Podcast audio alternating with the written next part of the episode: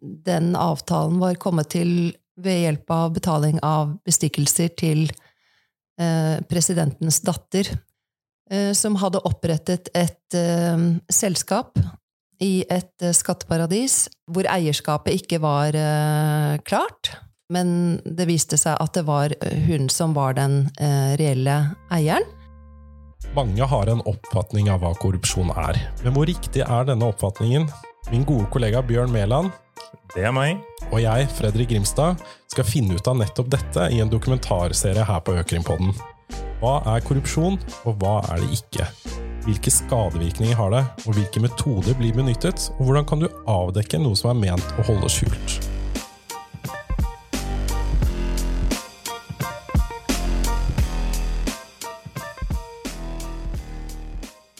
I første episode av denne dokumentarserien av Økrimpodden skal vi se nærmere på hva korrupsjon er, og hvilke skadevirkninger det har på vårt samfunn. Det estimeres at korrupsjon koster verdensøkonomien 5% av verdens bruttonasjonalprodukt hvert år, og dette tilsvarer 3,6 billioner dollar.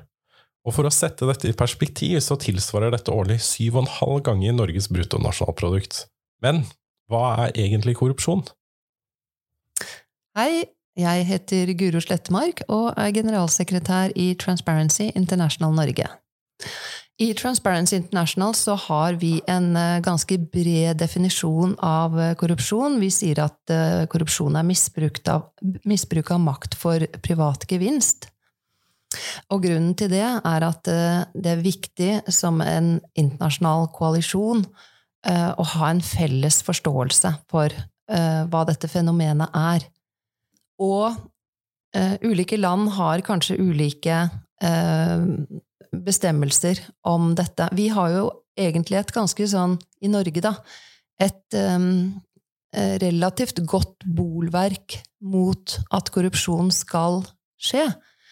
Um, for det er ikke bare straffeloven som skal fungere som en sånn beskyttelse mot korrupsjon. Men vi har jo også bestemmelser f.eks. i anskaffelsesregelverket om at det skal være åpenhet rundt, rundt anskaffelser.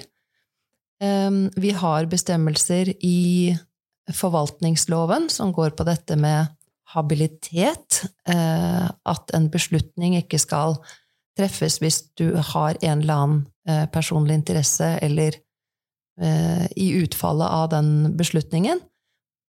Og dette er eksempler på bestemmelser som, skal, som også fungerer som et slags bolverk eh, i vårt samfunn for at eh, korrupsjon ikke, ikke, skal skje, da. Men kjernen i, eh, i, eh, i dette regelverket er jo naturligvis eh, straffeloven. Transparency International har en lettfattelig og vid definisjon av korrupsjon. Sentralt i norsk sammenheng står imidlertid straffelovens bestemmelser. Bestemmelsene rammer i hovedsak den som tilbyr eller mottar en utilbørlig fordel. Hei, mitt navn er Marianne Djupesland. Jeg er førstestatsadvokat i Økokrim og leder av faggruppen for korrupsjon. Strafferetten har nok en mye snevrere forståelse eh, av hva korrupsjon er, enn det vi eh, tenker sånn i dagliglivet. Um, og uh, straffeloven har en litt kronglete beskrivelse, må jeg kunne kalle det, av hva som er en bestikkelse. Uh, det er en utilbørlig fordel i anledning utøvelsen av stilling, verv eller oppdrag. Og jeg kan gå litt nærmere inn på de ulike elementene, men det som er sentralt her, er jo det som kalles utilbørlig fordel. Eh, det er selve bestikkelsen, og det gir eh, anvisning på en bred skjønnsmessig vurdering. Eh, det er noe som skal være klart klanderverdig, altså noe som er kritikkverdig. Mm. I denne vurderingen så er det mange elementer. Selvfølgelig har det noe med hvor mye er det tale om?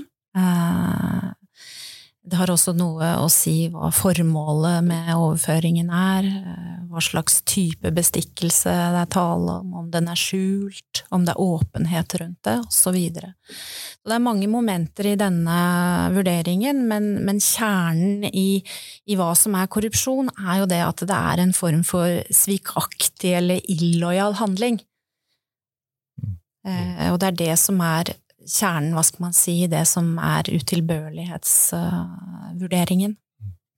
Og, og, hensynet, uh, som jo er underliggende for vurderingen av, av disse kriteriene, er jo at uh, man ønsker jo ikke at f.eks. offentlige tjenestemenn skal stikke penger i egen lomme for å fatte et vedtak eller, eller slikt. Det vil jo undergrave tilliten til myndighetspersoner. Mm. Mm.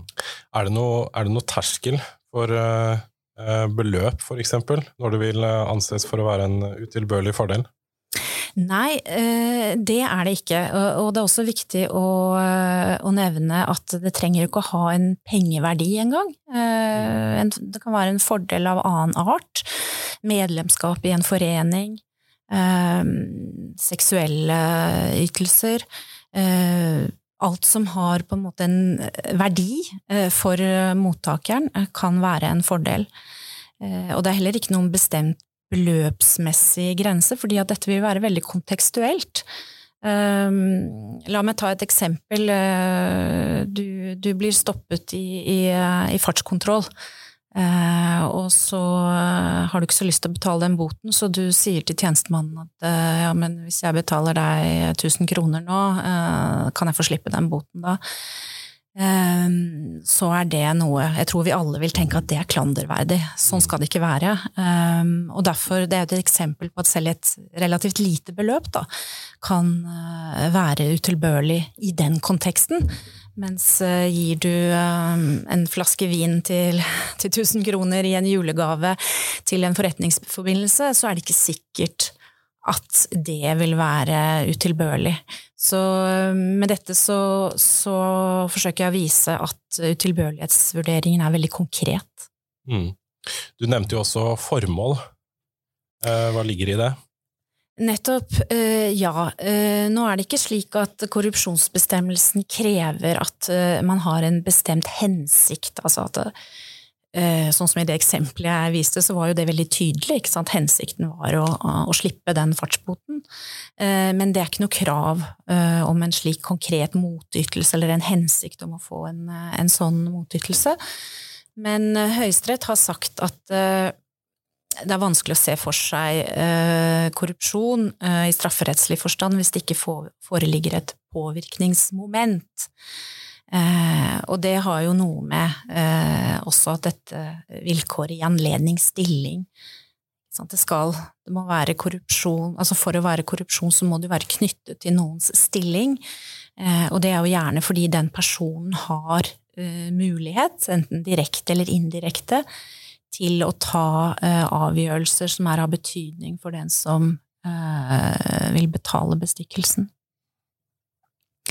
Så igjen vil jo det være noe man, eh, man ser på. Hvor nær, kan man si, mottakeren er til å influere over interesser som er av betydning for giveren. Og et annet eksempel, altså hvis man ønsker å, å få byggetillatelse, eh, så er det jo åpenbart at saksbehandleren som sitter med den saken, har en veldig eh, nær eh, mulighet til å påvirke dine interesser, og da vil påvirkningsmomentet være ganske tydelig.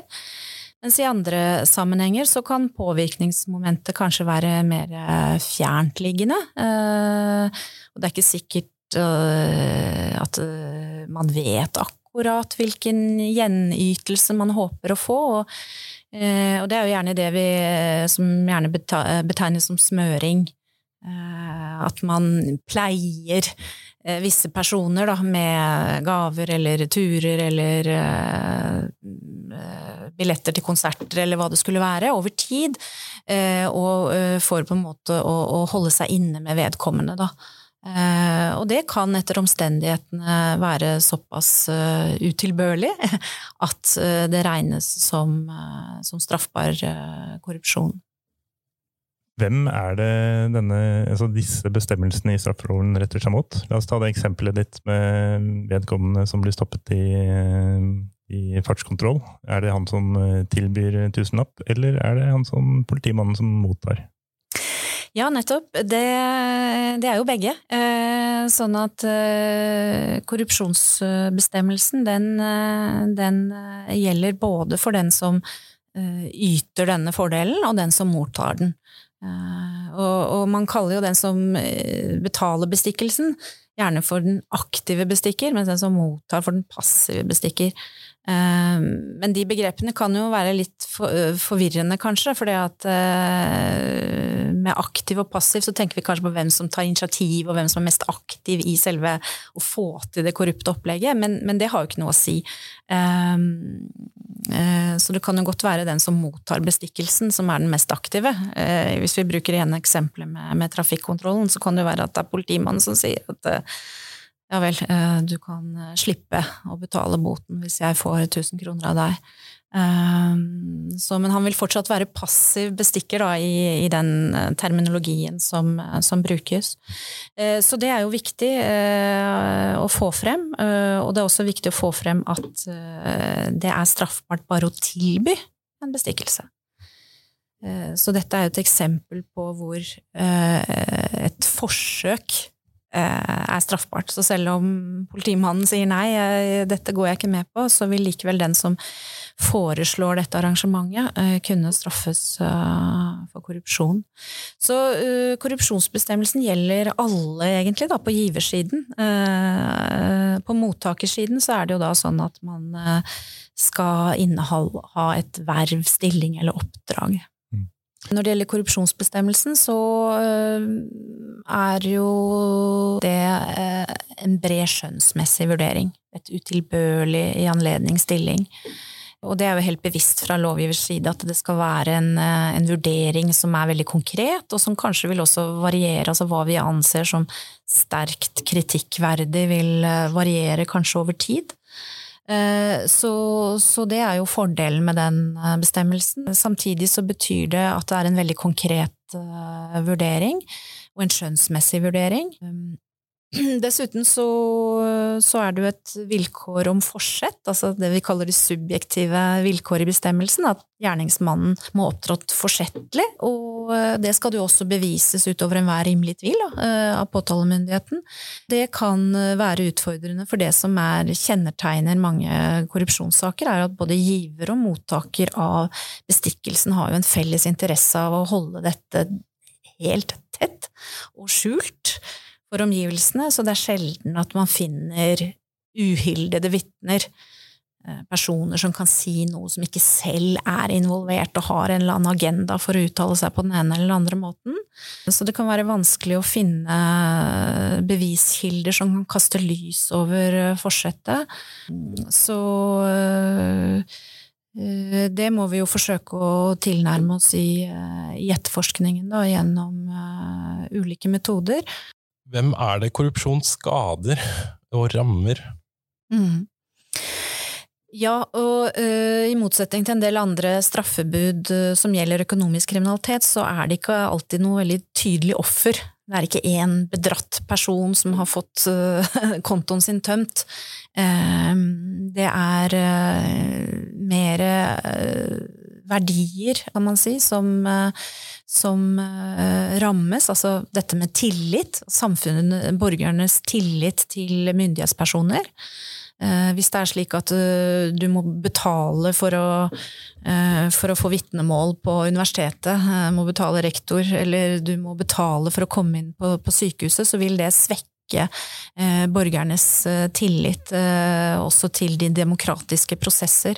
Men i noen tilfeller så er det jo også mer hva skal man si, konkrete ofre. Altså hvis for eksempel en bestikkelse leder til at uh, uriktig eller ikke det flinkeste firmaet får kontrakten, byggekontrakten, så kan broen eller uh, flyet eller uh, hva det skulle være, få en dårligere kvalitet, som kan gjøre at, at folk sant, blir skadet, for eksempel. Man har jo Eh, eksempler fra utlandet hvor det er eh, bygninger som er rast sammen som følge av jordskjelv, fordi at eh, bygnings... Altså de som har, har godkjent byggekonstruksjonene, har vært bestukket. Så det er et veldig konkret eksempel på at det er noen, noen ofre, men det er jo sjelden man i retten retten har eh, noen som kan komme og forklare hvordan dette eh, rammer dem. Slik at det forsøker vi, når vi presenterer disse sakene i retten, også få frem eh, hvorfor dette er så skadelig, og hvorfor det skal eh, sanksjoneres i strafferetten. Hva med handlinger som er eh, begått i utlandet, da? Av en norsk person eller norsk foretak? Slik reglene er nå, etter 20, eh, 2020, så er det det vi kaller universell jurisdiksjon for korrupsjon. Så det betyr at eh, også handlinger som er begått i utlandet, kan eh, straffeforfølges i Norge. Eh, det var en periode mm, mellom 2015 og 2020 hvor, hvor reglene var litt annerledes. Uh, hvor, hvor, det var mye snevrere adgang da, til å straffeforfølge handlinger i utlandet, men uh, nå er det endret med en lov som trådte i kraft sommeren 2020. Så, så det er helt riktig, og uh, og da kommer vi også inn på dette at straffebudet gjelder jo ulike typer korrupsjon. Fra det hva skal vi si, begrensede, eller det er kanskje ikke riktig ord å bruke, men det eksempelet vi hadde med, med denne politimannen og trafikkontrollen, eh, det er jo eh, en type korrupsjon, mens straffebudet kan jo også ramme det som mange betegner som høynivåkorrupsjon, altså hvor Eh, gjerne store virksomheter, store konserner, eh, gjerne etablert i Europa eller, eller USA for eksempel, betaler bestikkelser eh, for å oppnå kontrakter i andre land, og risikoen for dette, eller sårbarheten for den type korrupsjon, det er jo særlig de landene som har eh, svake eh, strukturer, styringsstrukturer, eh, som gjerne ligger nede, langt nede på denne indeksen som dere sikkert kjenner, som Transparency International lager. Eh, og, som, og, hvor da det er en indikasjon på at korrupsjonsrisikoen er stor der. Eh, og da eh, kan det jo være at, eller være erfaring viser internasjonalt, at da vil gjerne bestikkelsesbeløpene være meget høye. Eh, flere hundre millioner kroner og, og, oppover, og hvor mottakeren er gjerne plassert veldig høyt i systemet, kanskje helt opp til, eh, til regjeringssjefer og ministre. Um, sånn at uh, korrupsjonsbestemmelsen dekker jo veldig ulike typer av korrupsjon, noe som også uh, selvfølgelig gjør at uh, etterforskning og iretteføring av disse sakene uh, vil ha en litt ulik tilnærming. Er det en spesiell sektor eller bransje eller område hvor, som dere ser er særlig utsatt for korrupsjon? Ja, og dette er behandlet i, i Økokrims trusselvurdering. Den kom i juni i år. Og der er det jo påpekt flere faktorer eller, eh, eller områder hvor korrupsjonsrisikoen er eh, høy, eh, og det er nevnt korrupsjon i kommunal sektor. Og det er jo nettopp uh, har sammenheng med at vi har mange uh, små kommuner i, i, landet, og hvor det kan være uh, tette forbindelser, kanskje, mellom næringslivet og de som sitter i, i myndighetsposisjoner. Så det er jo noe som kan um, kanskje være en risikofaktor i forhold til korrupsjon. Eh, og dessuten så er det jo slik at mange i, kommunal, eh, kommunale stillinger forvalter viktige goder, knapphetsgoder, altså type tillatelser, eksempel, eller tildeling av kontrakter som kan være verdifulle for, eh, for næringslivet. Samtidig som det kanskje er lite kontroll, eller i hvert fall har vært det. Så det er jo ett område som er fremhevet i, i vår trusselvurdering. Eh, og så er det også fremhevet eh, at det kan være økt korrupsjonsrisiko i utlandet for norske selskaper. Og der eh, påpeker man jo, jo det, at man kan da være særlig følsom for å bli utsatt for, for den type krav da, om å betale bestikkelser for å komme inn i, inn i enkelte land. Eh, og det har vi også eksempler på at også norske foretak eh, har, eh, har blitt sanksjonert for, for, den type korrupsjon. Nettopp dette med korrupsjon i internasjonal kontekst er også relevant for norske foretak. Vi hørte jo en kort introduksjon om VimpelCom-saken innledningsvis, men hva gjaldt egentlig denne saken? Dette er Guro i Transparency International Norge igjen. Det var jo da VimpelCom, som var et, et teleselskap som opererte i tidligere sovjetstater, eller hvordan man skal si det. Og et av de landene de fikk lisens i, var Usbekistan. Og det viste seg at den avtalen var kommet til ved hjelp av betaling av bestikkelser til presidentens datter, Gulnara Karimova, som hadde opprettet et selskap i et skatteparadis som Hvor eierskapet ikke var klart. Men det viste seg at det var uh, hun som var den uh, reelle eieren. Og dette ble jo da uh, avdekket, og VimpelCom har jo da senere måttet betale veldig store, høye bøter. Og det har jo fått en del konsekvenser. Telenor, som var eier av, delvis eier av det selskapet, sammen med en russisk aktør, har senere solgt seg ut av dette. Eh, men dette var en veldig alvorlig sak, og eh, så kan man kanskje eh, se litt på, på de tallene, for det var ikke bare det var ikke bare VimpelCom som hadde betalt bestikkelser, men det var også svenske, det svenske selskapet Telia Sonera og et annet russisk selskap, MTS, og de bestikkelsene som ble betalt, eh, tilsvarte ca. 7,3 milliarder norske kroner. Og da kan det også være aktuelt å se liksom, hva eh, betyr egentlig de tallene i en usbekisk kontekst. da. Og for noen år siden så snakket vi med en eh, forsker, eh, Alisher Ilkamov, Um, og han hadde satt opp et veldig enkelt um, Hva skal vi si? En liten enkel uh, regnestykke for oss. Og han fortalte at uh, de bestikkelsene til presidentdatteren tilsvarte faktisk 7% av hele Usbekistan sitt statsbudsjett for 2013. Det var jo da uh, denne saken pågikk, da. Og videre at eh, de bestikkelsene kunne finansiert nesten halvparten, eller 47% av offentlige helseutgifter i landet samme år. Så det viser oss eh, noe av eh, konsekvensene av disse korrupsjonshandlingene. Og disse pengene ble jo da på en måte frarøvet det usbekiske folket. Dette reiser jo også et annet spørsmål om Nå er det jo amerikanske myndigheter som har bøtelagt selskapet mange, mange milliarder dollar i uh, bøter. Og da er det jo et spørsmål om uh, hvem er det egentlig som skal uh, få disse pengene? Er det den amerikanske staten, eller er det det usbekiske folket? Så det er jo også en, en kampsak for Transparency International om at pengene må tilbakeføres til ofrene for, for korrupsjon.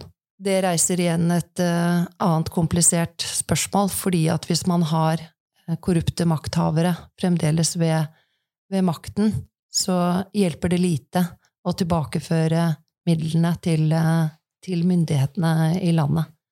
Så her er det mange uløste spørsmål som det jobbes med internasjonalt. Korrupsjon er jo nå um, strafferegulert, men hvordan var det i gamle dager? Ja, vi hadde, vi hadde, bestemmelser som eh, kunne fange opp eh, typisk korrupsjonstilfeller. Men det var først i 2003 at vi fikk, eh, vi fikk disse nye bestemmelsene i eh, straffeloven. Um, og det har jo vært en konsekvens for så vidt at vi har fått internasjonalt regelverk på plass. Vi har en FN-konvensjon mot korrupsjon som ble, som ble um, Eh, vedtatt i, også i 2003. Eh, og det var et eh, resultat av en mangeårig innsats fra Transparency International, som etter sin opprettelse internasjonalt i 1993 jobbet systematisk og planmessig for at vi skulle få et internasjonalt regelverk på plass. Så det ble resultatet, og det eh, danner jo grunnlag for mange, mye nasjonal eh, korrupsjonslovgivning. Og så fikk vi i eh, en eh, konvensjon fra OECD som forbød eh, bestikkelser av offentlige tjenestepersoner i utlandet spesifikt. Og den kom nok som en sånn litt sånn overraskelse på det norske samfunnet. Fordi at eh, faktisk frem til eh, slutten av 90-tallet så var det slik at man faktisk kunne trekke fra på skatten eh, bestikkelsespenger som var betalt til, eh, til offentlige tjenestepersoner i utlandet fordi man anså det som en nødvendig utgift, nærmest, for å skaffe kontrakter for selskapet. Så det var nok en, uh, en ganske sånn dramatisk endring da, i hvordan man, hvordan man tenkte eh, om korrupsjon. Så på begynnelsen av 2000-tallet så fikk vi jo også noen ganske sånne store, spektakulære internasjonale korrupsjonssaker så har det jo kanskje tatt litt tid da, å endre holdninger og endre atferd. Så vi ser jo det som en sånn veldig en oppgave for, eh, for Transparency International, at vi ja, at vi rett og slett Vi mener vi har en ganske stor Fremdeles en ganske stor sånn pedagogisk oppgave, da. Det er veldig interessant det du sier om eh, at det tidligere var mulig å få eh, skattefradrag for eh, korrupsjon begått i utlandet. Var det slik at det nærmest ble kriminalisert over natten med, i 2003? Det ble det. Og det handlet jo om at Norge skulle implementere den OECD-konvensjonen.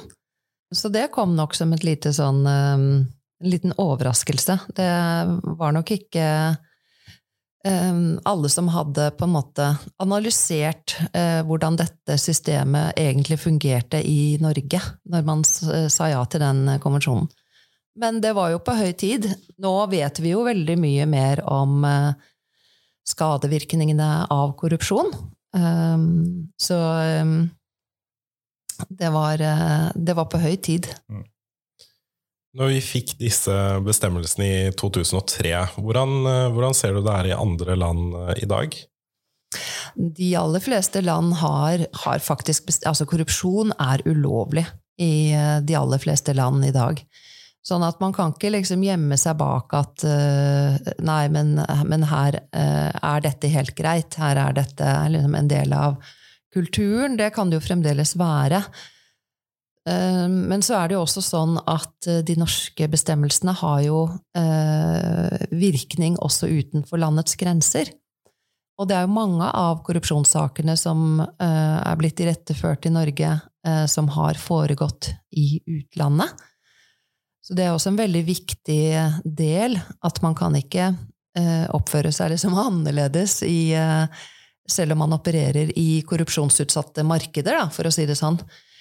Et annet aspekt ved det er jo at uh, den amerikanske lovgivningen, som kom på plass allerede på 70-tallet, Foreign Corrupt Practices Act heter den, FCPA, har jo også den virkningen eh, altså utenfor landets grenser. Det ligger jo i navnet, for så vidt. Sånn at, um, og vi har jo sett at amerikanske myndigheter er jo veldig på ballen. Hvordan det? Nei, med at uh, så lenge det er noe eh, som på en måte kan knyttes til USA, enten det er betaling i dollar, uh, det er en amerikansk ansatt Den har en veldig sånn stor rekkevidde, da. Mm. Sånn at det skal egentlig ganske lite til en ganske sånn Hva skal vi si nesten svak tilknytning til, til USA før amerikanske myndigheter kan, kan gå inn. Vi har så langt bare snakket om korrupsjon. Et annet begrep som er nær sammenheng med korrupsjon og bestikkelser, er påvirkningshandel. Så hva er egentlig dette? Nå hører du Marianne Djupesland igjen. Ja, det er jo en bestemmelse som, som står i straffeloven rett etter korrupsjonsbestemmelsen, og det er fordi det er en korrupsjonslignende uh, handling. Ehm, det som eh, skiller bestemmelsen om påvirkningshandel, det er der at der går bestikkelsen til en person, eh, eh, som ikke selv innehar en stilling, verv eller oppdrag, men denne, denne vedkommende, som man gjerne kaller en påvirkningsagent, han har muligheten til å påvirke en person som har en sånn stilling. Mm. Men da, i motsetning til korrupsjonstilfellet, så vil jo den som skal påvirkes, vil ikke vite at påvirkningsagenten er betalt for å fremme disse synspunktene. Korrupsjon omtales gjerne som en offerløs kriminalitet, men er det egentlig det? Og hvilke skadevirkninger har korrupsjon fra et samfunnsmessig perspektiv? Dette er Erling Grimstad. Han har tidligere vært nestleder i Økokrim, og er nå vår sjef. Erling, eh, kan du si noe om eh, skadevirkninger av korrupsjon? Eh, og I første omgang kan vi holde oss til hvilke skadevirkninger det har for et foretak. Ja, Det første jeg tenker på da, er jo skadevirkningene knyttet til anbudskonkurranser. Altså anbudskonkurranser hvor eh, en rekke aktører gir tilbud eh, om å levere bestemte tjenester eller varer. Det er klart at Hvis en leverandør får kontrakten som følge av bestikkelser, korrupsjon, altså ulovlig påvirkningshandel, som da medfører at en leverandør får en kontrakt som leverandøren ikke ville fått hvis man tenker seg at det ikke hadde skjedd noe korrupsjon eller ulovlig påvirkningshandel, så er det en eh, skadevirkning. Det er et eksempel på det. Og vi har jo flere korrupsjonsdommer i Norge som nettopp eh, viser at det er det som har skjedd. Altså den som har fått eh, avtalen av leverandørene, har betalt noen bestikkelse for at de skulle personlig få en fortjeneste som følge av at de valgte den leverandøren. Og det er nødvendigvis ikke den rimeligste leverandøren. Tvert imot så skal jo denne leverandøren ha betalt for bestikkelsen og kanskje ytterligere påslag, så det blir, kan bli en dyrere leveranse. Dessuten så er det ikke sikkert at den leverandøren som har betalt bestikkelse, er den beste leverandøren, altså som kan levere til høyest kvalitet. I flere saker vi har sett, så er jo det en leverandør som ikke har verken kompetanse, ressurser eller tilstrekkelig gjennomføringsevne, og derfor blir det en dårligere leveranse. Eh, og, og det tror jeg er en av de sånn direkte skadevirkningene man ofte tenker på knyttet til et foretak. Men det er jo langt flere eh, tilfeller av korrupsjon som også skader foretaket enn akkurat dette knyttet til konkurranse, anbudskonkurranser, som i seg selv også kan føre til at noen seriøse bedrifter faktisk går konkurs. Fordi at de blir utkonkurrert av useriøse virksomheter. Og de andre skadevirkningene jeg tenker på da, det er eh, F.eks. hvis eh, ledere og andre ansatte i sentrale posisjoner tar avgjørelser som er mer styrt eh, av egen lommebok, altså private interesser, fordi at de får en fordel i forhold til f.eks. Eh, for bestikkelser, og lar egne private interesser gå foran virksomhetens interesse. De kan jo virkelig sette selskapet i spill og påføre selskapet, foretaket, stor skade. Eksempler på det er at uh, hvis man ansetter noen som er knyttet til en uh, ulovlig avtale om korrupsjon, altså det kan være at uh, man alt fra å få en, et honorar fra vedkommende som blir ansatt, som kanskje ikke er kvalifisert engang, til at man får en andel av lønna til vedkommende, som man har sett i noen tilfeller arbeidslivskriminalitet. Det er en skadevirkning. Man kan tenke seg at noen eksterne som eh, ønsker å konkurrere med ditt foretak, de kjøper deg rett og slett for at du skal stjele forretningshemmeligheter. Så du tar med deg forretningshemmeligheter som selskapet ditt har brukt eh, årevis og store midler på å utvikle, og så selger du det til eh, andre, eller går over i et annet konkurrerende selskap.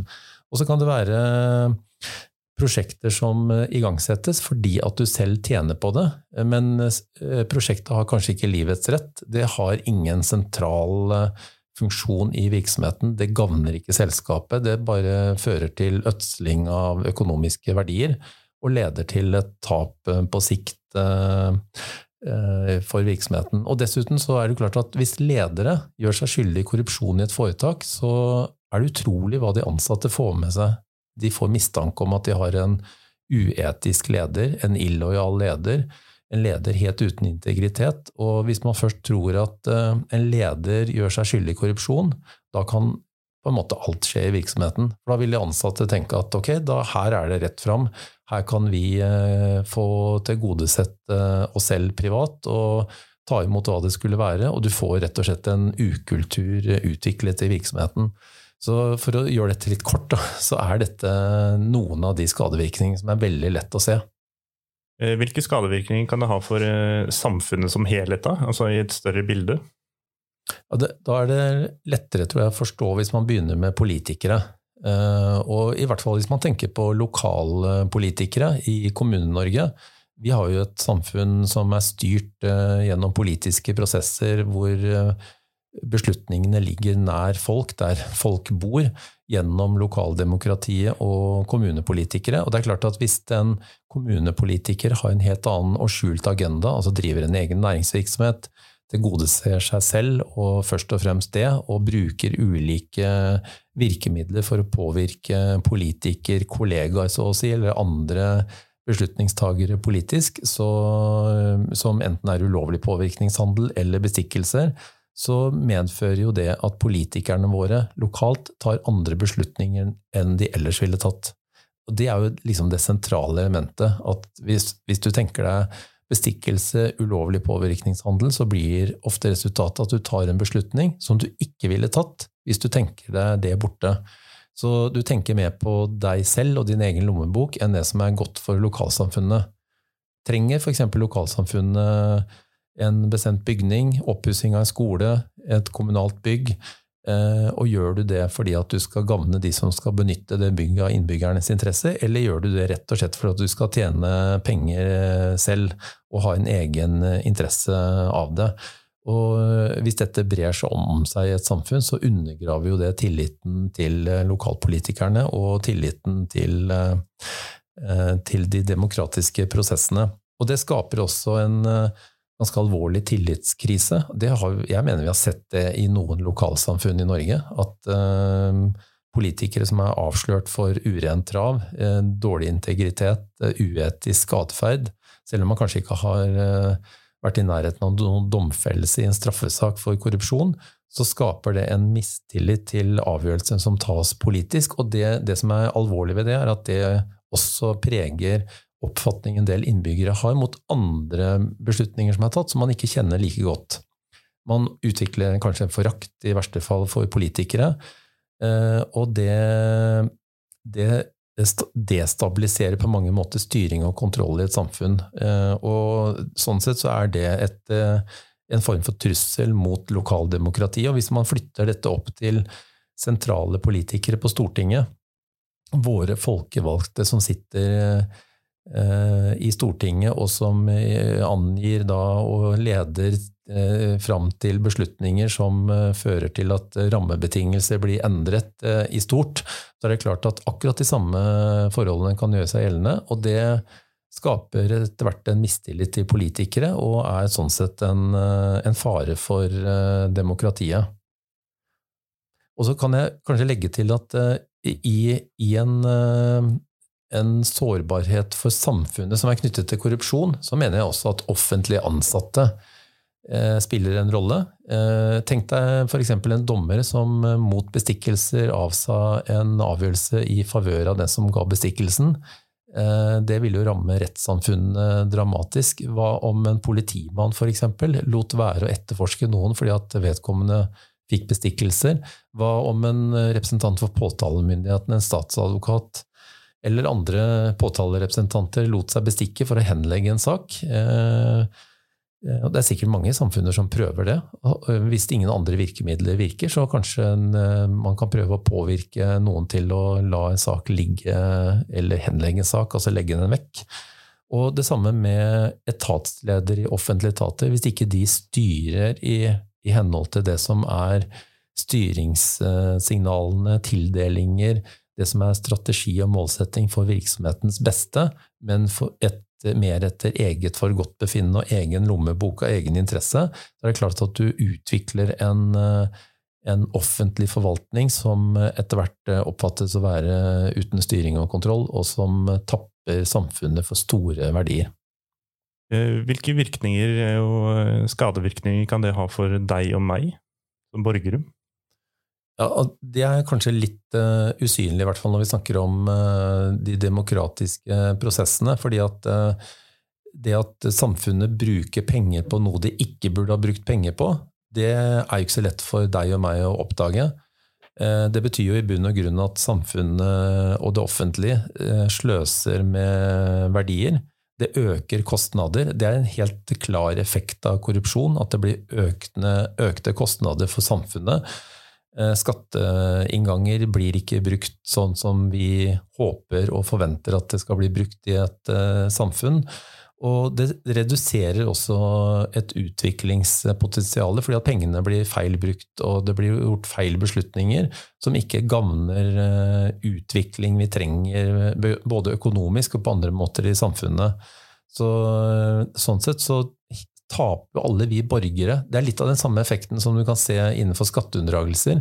Altså, vi merker jo ikke det hver og en, men til syvende og sist så merker vi det. Fordi at staten får mindre innganger, skatte- og avgiftsinnganger enn de skulle hatt, og da har staten mindre å rutte med og må gjøre ganske, ganske eh, kraftige reduksjoner i hvordan staten bruker midlene. Så til syvende og sist så får vi dårligere veier, vi får dårligere helse messige løsninger. Vi får uh, ulike skadevirkninger på alle de områder hvor samfunnet skal stille opp, og hvor vi forventer som borgere at samfunnet stiller opp for oss. Du har nå lyttet til Økrimpodden, en podkast om økonomisk kriminalitet fra advokatfirmaet Erling Grimstad. Husk å følge podkasten der du lytter til podkast.